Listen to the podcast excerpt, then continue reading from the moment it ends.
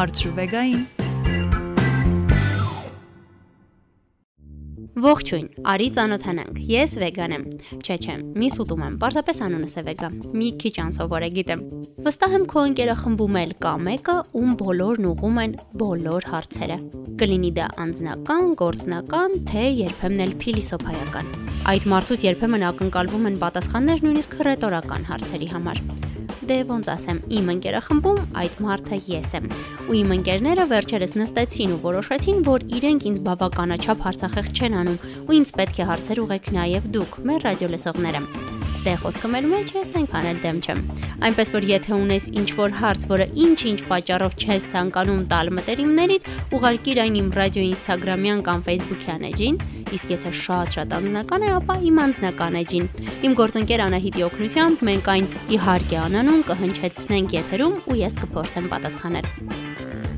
Դե ինչ, սկսեցինք։ Ողջույն ձեզ հետ կրկին ձեր լավ ընկեր Վեգա Անդրեասյանն է։ Եթե պատահաբար ինչ-ինչ պատճառներով գտնվում եք այնպիսի իրավիճակում, որ ձեր կողքին չկան մարդիկ, ում կարող եք ուղղել ձեզ մտահոգող հարցերը կամ պարզապես զրուցելու, ինչ որ հարցի շուրջ կարծիք լսելու կարիք ունեք, ապա այս ոդքասթը հենց ձեզ համար է։ Ես իմ ընկերախմբի այն մարդն եմ, ում բոլորն ուղում են աշխարի բոլոր հարցերն ու ակնկալում են պատասխաններ նույնիսկ հռետորական հարցերի համար։ Այնպես որ մնացեք մեզ հետ, իսկ ես անցնեմ այն հարցերին, որոնք ուղարկել եք այս շաբաթ։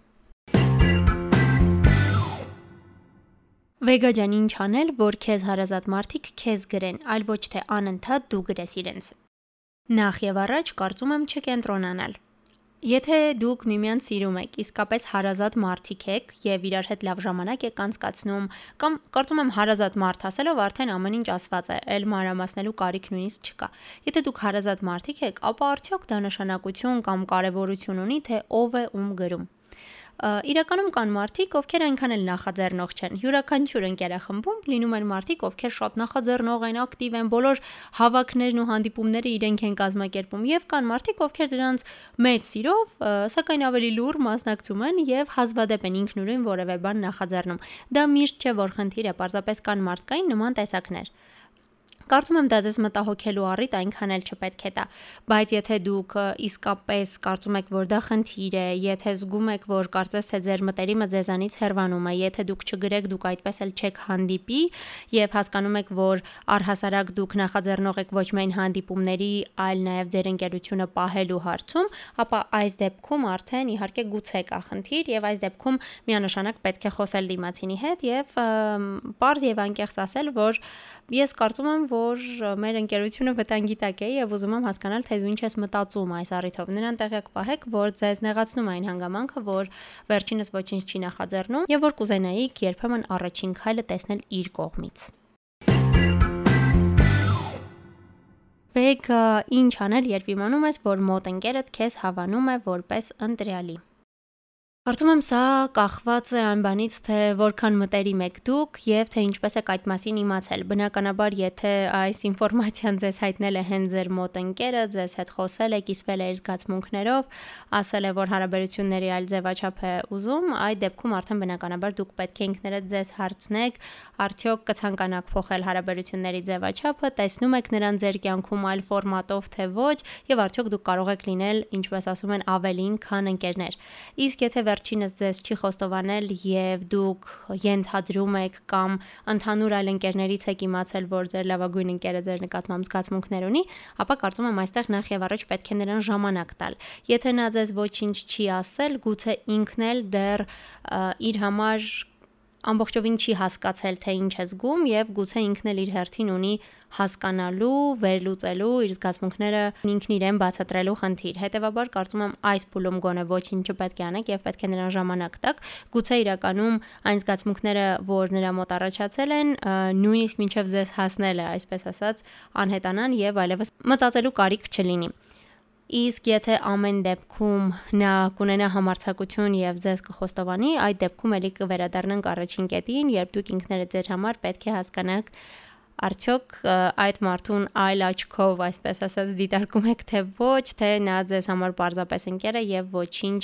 ավել լինել չի կարող, այդ դեպքում արդեն կարծում եմ պետք է միանգամայն անկեղծ լինել ձեր ընկերոջ հետ, հստակ ձևակերպել ձեր միտքը այն մասին, որ նա ձեր ընկերն է եւ դուք նրան ձեր կյանքում միայն այդպես էլ տեսնում եք, այդտեղ արդեն ինքը կարծում եմ կորոշի ցանկանում է շարունակել ձեր հետ ընկերությունը, թե կարծում է, որ իրեն ժամանակ է պետք օրինակ ձեզնից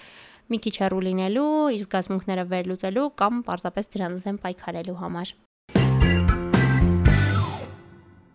Հաջորդ երկու հարցերին, որոնք ենթադրում եմ նույնիսկ որ նույն մարդն է ուղարկել, անանուն են հարցերը, կուզեի պատասխանել միասին։ Ոնց ազատվել դեպրեսիայից ու թեթև ապրել, ինչպես ազատվել overthinking-ից, այսինքն անընդհատ մտածելու, վերլուծելու, մտքերից չազատվելու սովորությունից։ Դեպրեսիան դա ախտորոշում է, դեպրեսիան շատ լուրջ մի բան է, որի հաղթահարման համար նախ եւ առաջ պետք է դիմել մասնագետի, պետք է դիմել հոգեբանի։ Մեր հասարակության մեջ ընդունված է տխրության նույնիսկ փոքր նոպաները կոչել դեպրեսիա, երբեմն այո, այդպես էլ կա, ոնց որ պատճառը հենց դեպրեսիան է լինում, բայց խորտ կտամ ինքներդ ձեզ համար ախտորոշում չանել եւ անպայման դիմել մասնագետի, որpիսի եթե ունեք դեպրեսիա, հենց նա ձեզ այդ մասին ասի եւ ըստ դրա արդեն ձեզ տեղյակ պահի թե ինչ կարելի անել, ինչպես է պետք պայքարել դրա դեմ։ Իդեպ, եթե դուք նույնպես կասկածում եք ունեք դեպրեսիա թե ոչ, եթե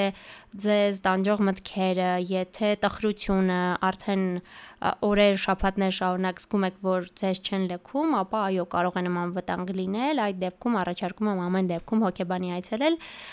ինչպես նաև կան այսպես թեթև գործողություններ, որոնք այսպես թե այնպես հաստատ չեն խանգարի, խոսք օրինակ մաքուրոթին հաճախ լինելու մասին է, սպորտով գործով զբաղվելու մասին է։ Սրանք իհարկե չեն կարող բավարար լինել եւ դժվար թե բուժեն ձեր դեպրեսիան, եթե այն կա, բայց գոնե վնաս նույնպես չեն տա եւ եւս մեկ անգամ խորհուրդ եմ տալիս անպայման դիտարկել մասնագետի դիմելու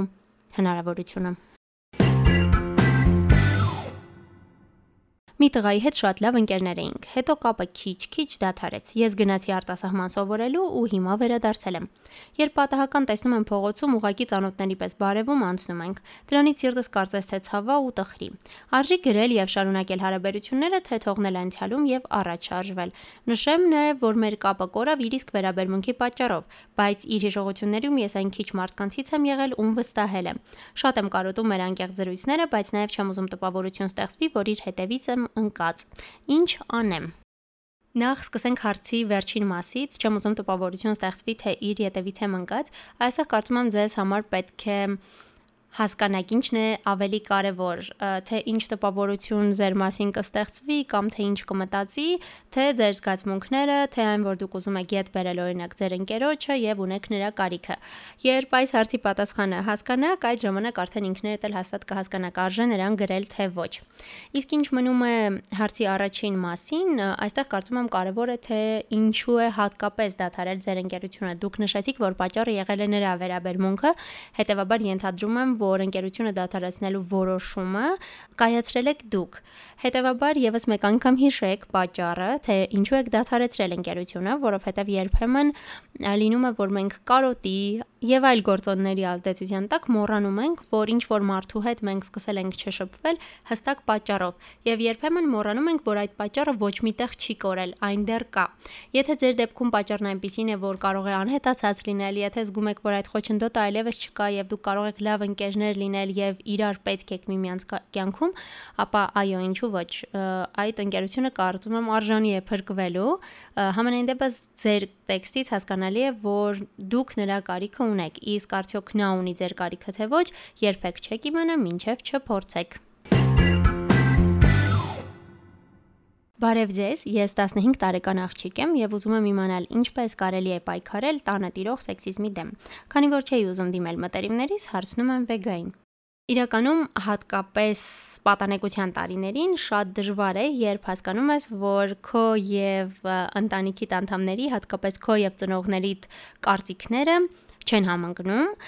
Ամեն դեպքում յուրաքանչյուր սերունդ միշտ ավելի ազատամիտ է, ունի ավելի բաց եւ նոր գաղափարներ, քան նախորդ սերունդը։ Եվ այստեղ կարևոր է փոխհմբռնումը։ Ես հասկանում եմ, որ շատ պատանիների համար մեր մայրերի, հայրերի սովորությունները, մտածելակերպը հաճախ հնացած են թվում, կարծրացած են թվում, երբեմն նույնիսկ առհասարական հասկանալի են թվում, բայց նախ հիշեք, որ մեր ծնողներն էլ մեծացել են այլ դաստիարակությամբ, մեծացրել են այլ պատկերացումներով աշխարհում եւ բնականաբար նորմալ է, որ իրենց կարծիքը շատ հարցերում մեզանից տարբերվում է։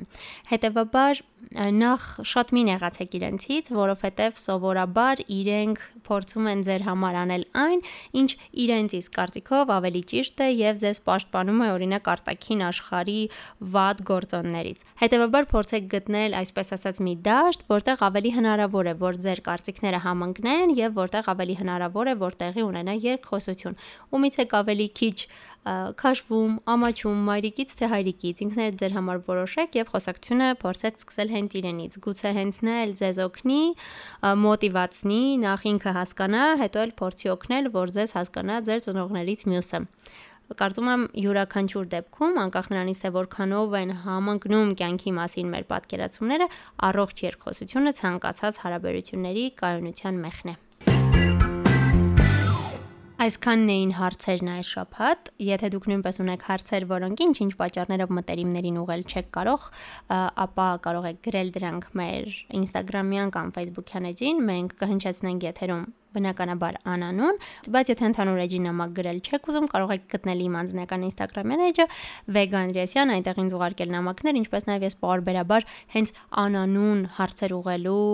համար հղում եմ տեղադրում, այդ դեպքում նույնիսկ ես չեմ կարող իմանալ ձեր իրական անունն ու ազգանունը, այնպես որ կարող եք վստահ լինել, որ եթե ձեր հարցերը հասնում են ամբողջովին անանուն։ Կհանդիպենք հաջորդ շաբաթ, ցտեսություն։